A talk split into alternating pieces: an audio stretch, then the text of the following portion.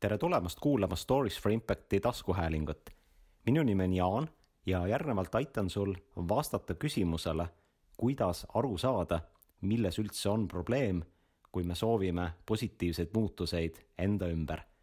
ja siin äh, taskuhäälingus tegeleme inimeste heaolu ja arengu teemaga, seega täpsem küsimus on see, et kust alustada positiivse mõju loomist, kui me soovime panustada inimeste heaolusse ja arengusse.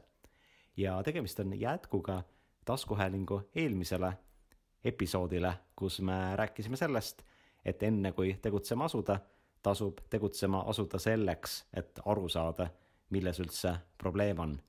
ja juba eelmises osas äh, vaatasime sellist väga kasulikku tööriista nagu probleemipuu, mis siis aitabki ära kaardistada, tükkideks võtta need äh, probleemid, mida meile tundub, et meil tasub lahendama hakata ja muidugi siis peale kaardistamist aitab meil langetada ka otsuseid, et kuhu siis energia suunata, et saavutada positiivsed muutused rohkem ja vältida tühja rapsimist.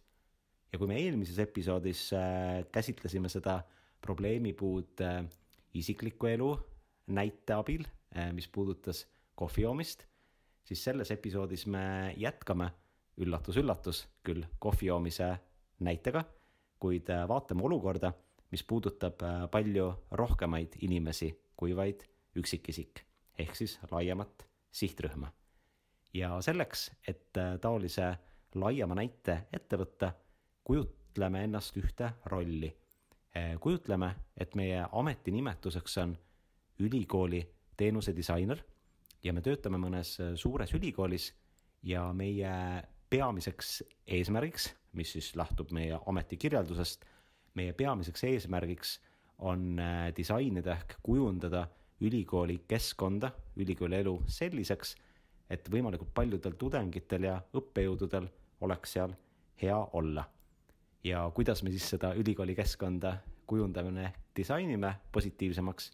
muidugi niimoodi, et me kõigepealt vaatame ja uurime et mis need probleemid siis üldse on, mis praegu ülikooli keskkonnas heaolu tudengitel ja õppejõududel vähendavad. ja kuidas me neid probleeme kaardistame? noh, näiteks teeme tudengite seas küsitlusi. ja oletame, et me oleme just teinud tudengite seas ühe küsitluse ja oleme sealt saanud teada, et tervelt viisteist protsenti meie ülikooli tudengitest joovad kohvi kolm kuni neli tassi päevas.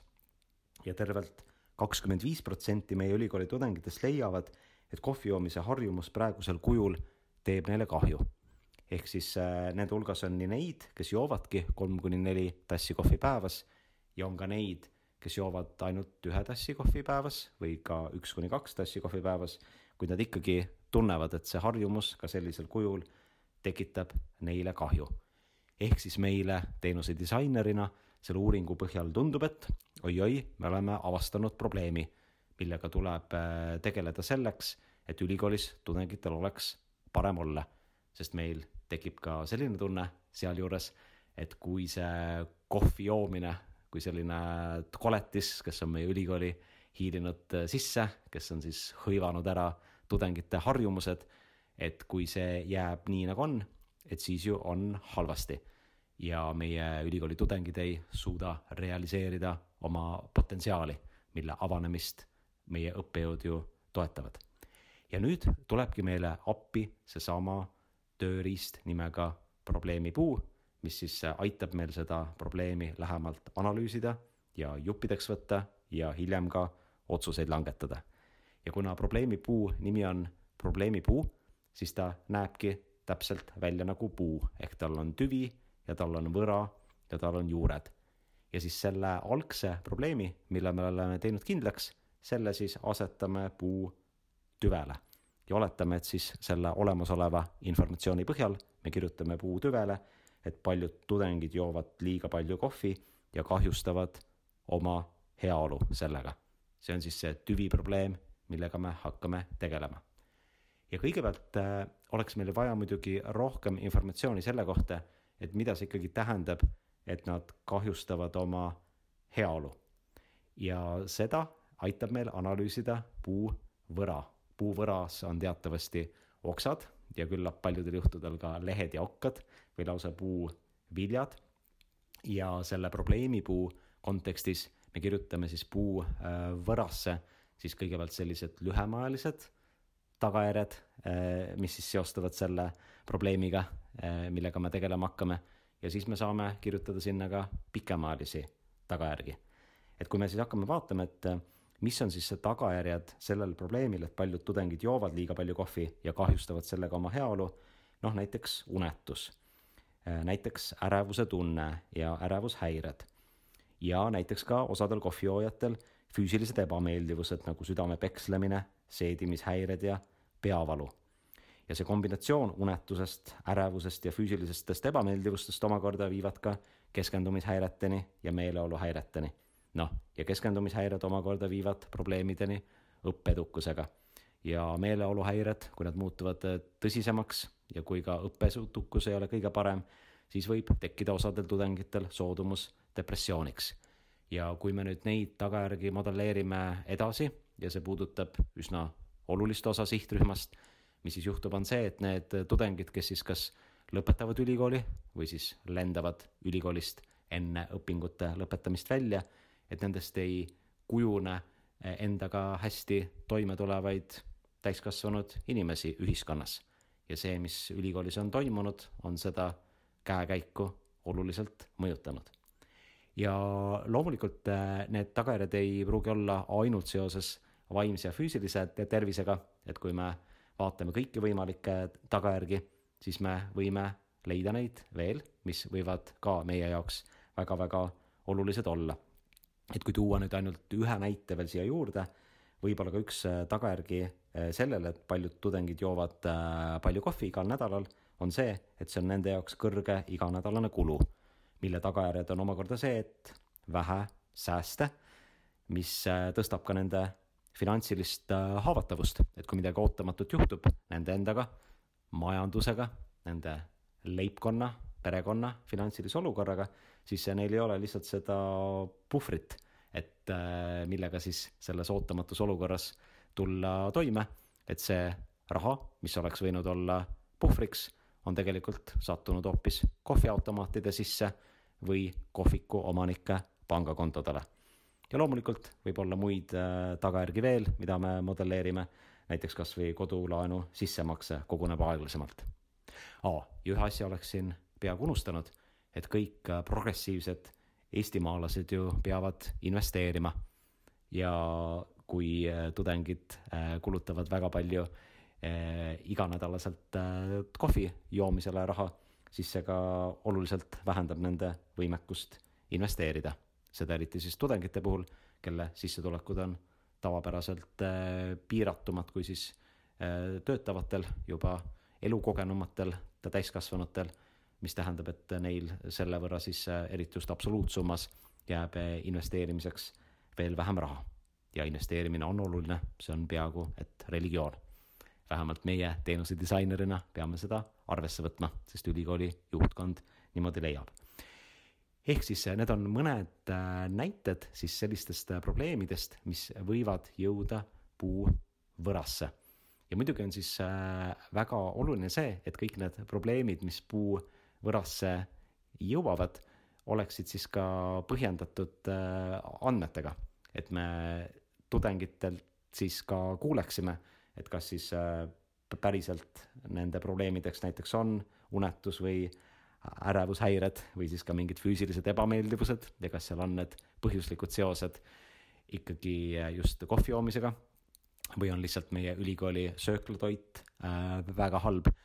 Ja kindlasti on, siia tuleb ka selliseid äh, väärtushinnanguid äh, sisse, et kas me näiteks leiame, et äh, pigem tudengid peaksidki säästma ja investeerima ja see ongi äh, neile hea.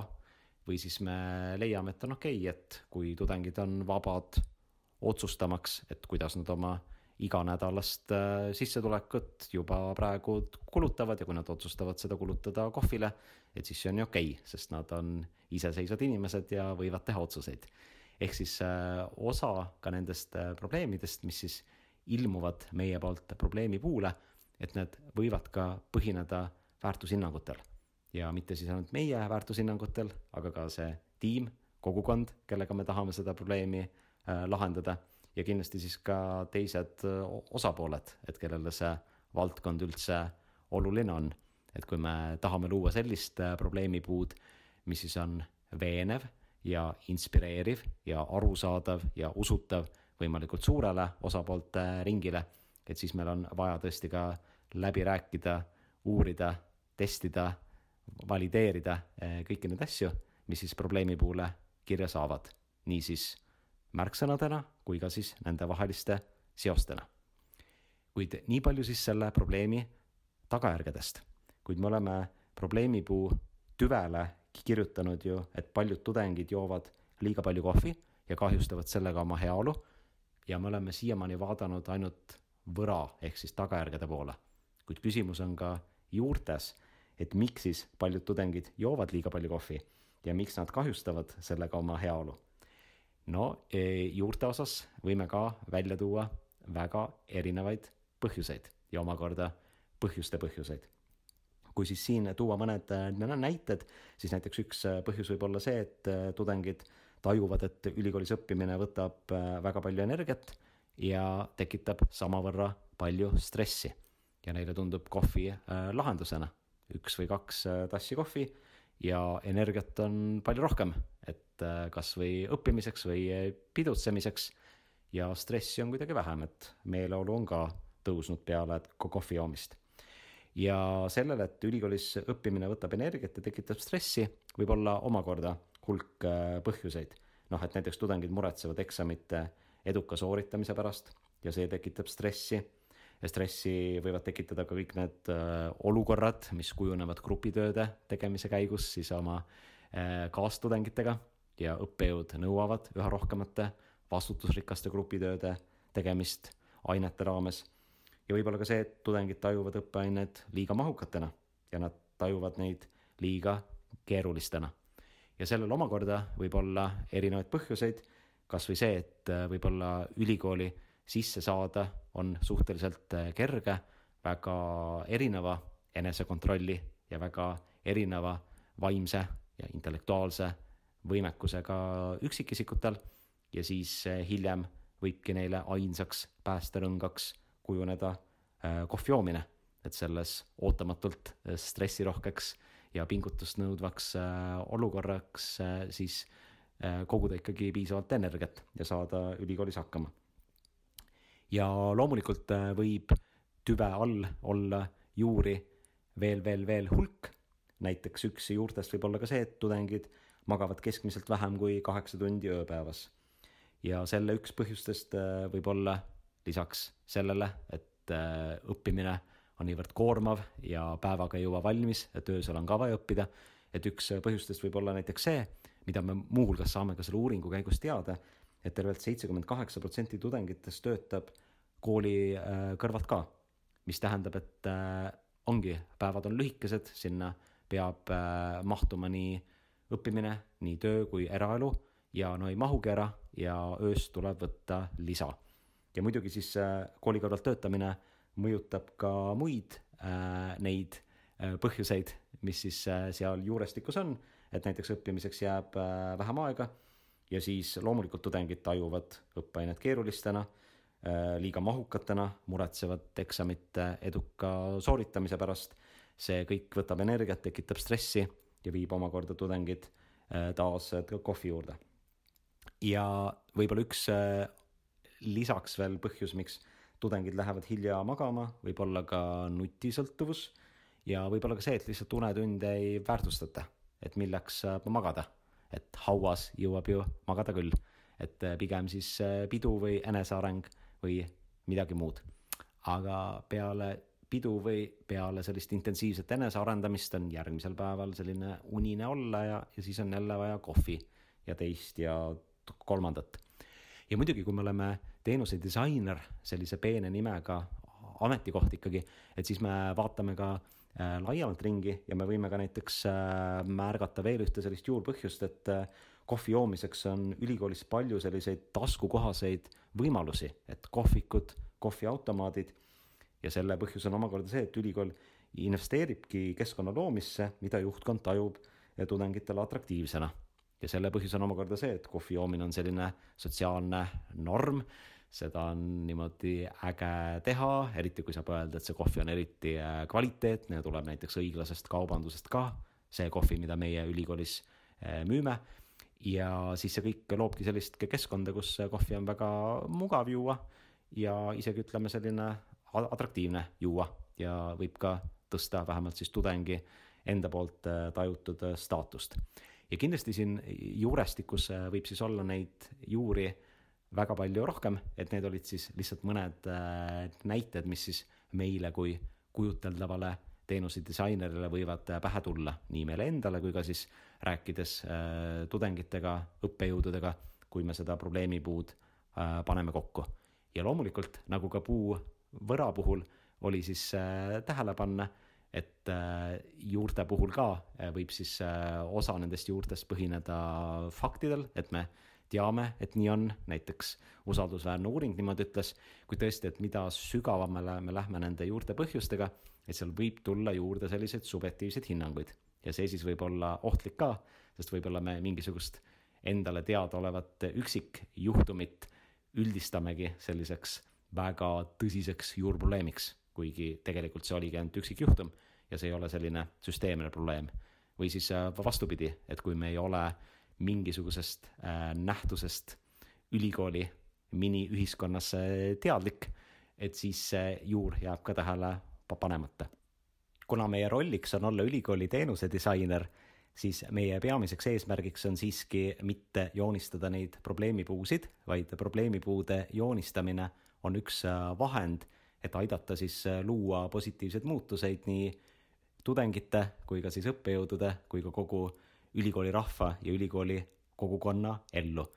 ja siinjuures tuleb äh, mängu probleemipuu suurim kasu, ehk see mitte ainult ei aita meil olukorrast hästi aru saada ja siis selle olukorra analüüsimisse kaasata ka teisi osapooli ning kui see probleemipuu on välja joonistatud, et see ei aita meil teha ainult ka pelgalt väga häid presentatsioone, vaid äh, probleemipuu vast äh, üks suurimaid kasutegureid on see, et see aitab meil teha ka teadlikke otsuseid. ja siinkohal äh, vaatame siis kahte olulist nüanssi seoses otsustega, mida probleemipuu aitab meil teha. esiteks, probleemipuu aitab meil langetada otsuseid, et milliseid probleeme, millistel tasanditel me tegelikult tahame ikkagi lahendada. Ja teiseks, probleemipuu aitab meil märgata ka uusi probleeme, mida me tegutsemise käigus võime tekitada ja aitab siis äh, nende tagajärgi minimeerida, aitab nende eest äh, vastutust võtta. alustame siis esimesest äh, nüansist, et kuidas siis probleemipuu aitab meil langetada otsuseid, et millistel tasanditel probleeme üldse lahendada et äh, kõigepealt me võime loomulikult jätkata otseselt selle probleemi lahendamisega, mida me kirjutasime probleemipuu tüvele. ehk siis äh, tudengid joovad liiga palju kohvi ja kahjustavad sellega oma heaolu. kuidas me seda otseselt saame lahendama hakata? noh, näiteks äh, loome ülikooli sellise programmi, mis siis aitab tudengitel kohvisõltuvusest vabaneda.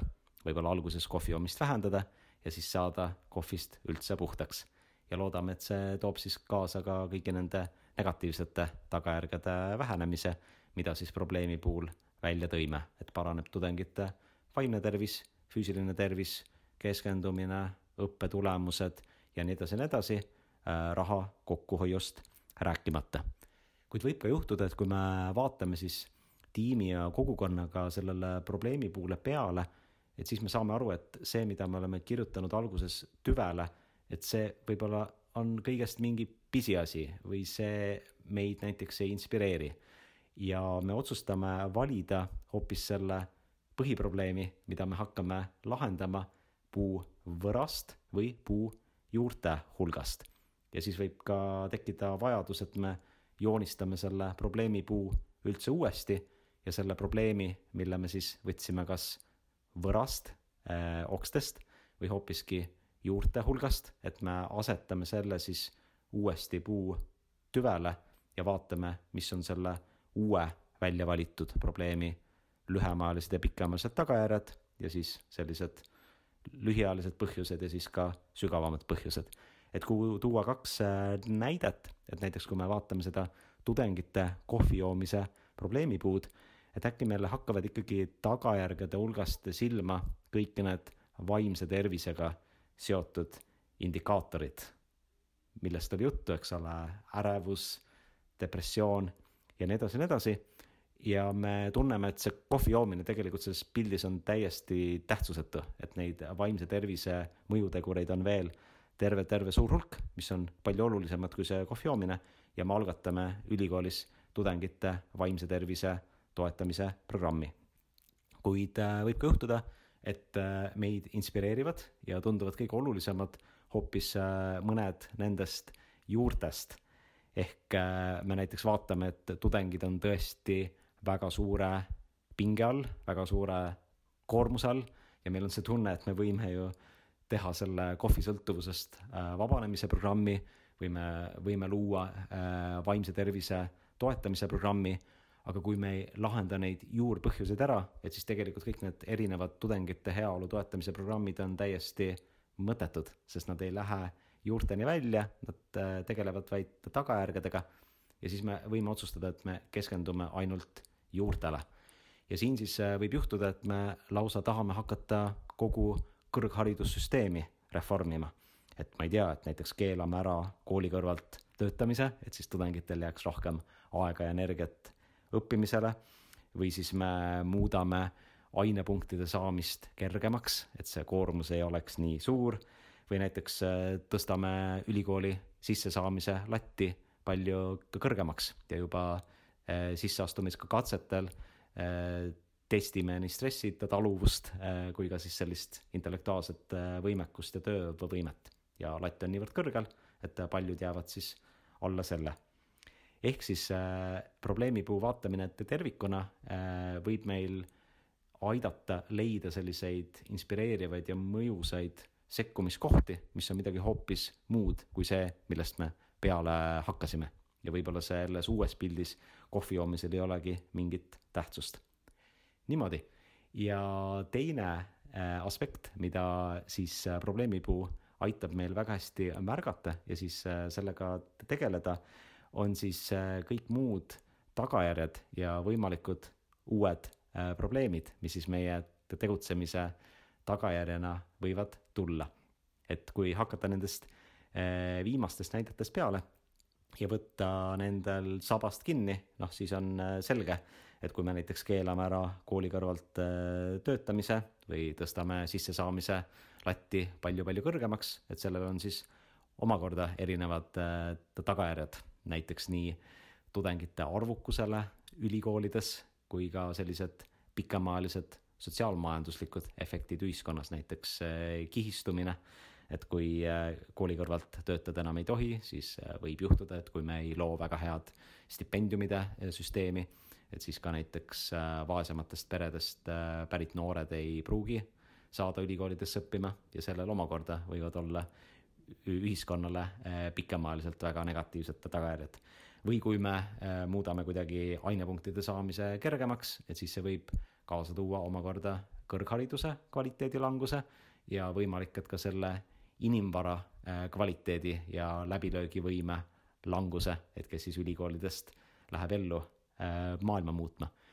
ja kõige olulisem selle probleemipuu juures on siis ka see just, et me teeksime teadlikke valikuid, et ükski valik ei ole tavaliselt ilma negatiivsete tagajärgedeta, sest me ka kasutame mingeid ressursse, me paneme liikuma uued protsessid, mida probleemipuu aitab teha, aitab kõiki neid tagajärgi märgata, analüüsida, läbi rääkida, millised tagajärjed on osapooltel okei okay,, millised mitte ja aitavad nende tagajärgede eest vastutust võtta sest kui me vastutust ei võta, siis võivad asjad väga-väga viltu minna, isegi kui me samavõrra väga-väga inspireerituna soovime maailma paremaks muuta. ja sellest, kuidas maailma paremaks muutmisel võivad asjad väga-väga viltu minna, me räägime juba järgmises Stories for Impacti taskuhäälingu osas ja seda siis päriselu näidete abil.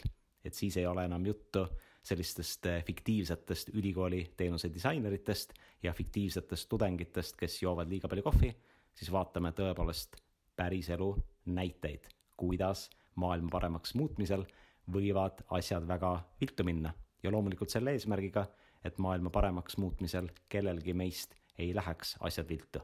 ja niikaua, kuni sa ootad järgmist Stories for Impacti taskuhäälingu osa, eh, soovitan võtta ette kas ekraani või valge paberilehe ja hakata joonistama siis probleemipuud mõne probleemi kohta, mis häirib sind isiklikus elus või siis kogukonnas, organisatsioonis, sest probleemipuu joonistamine on lahenduse algus, et aru saada, mis värk siis üldse on ja teha siis neid otsuseid, et millele keskenduma hakata.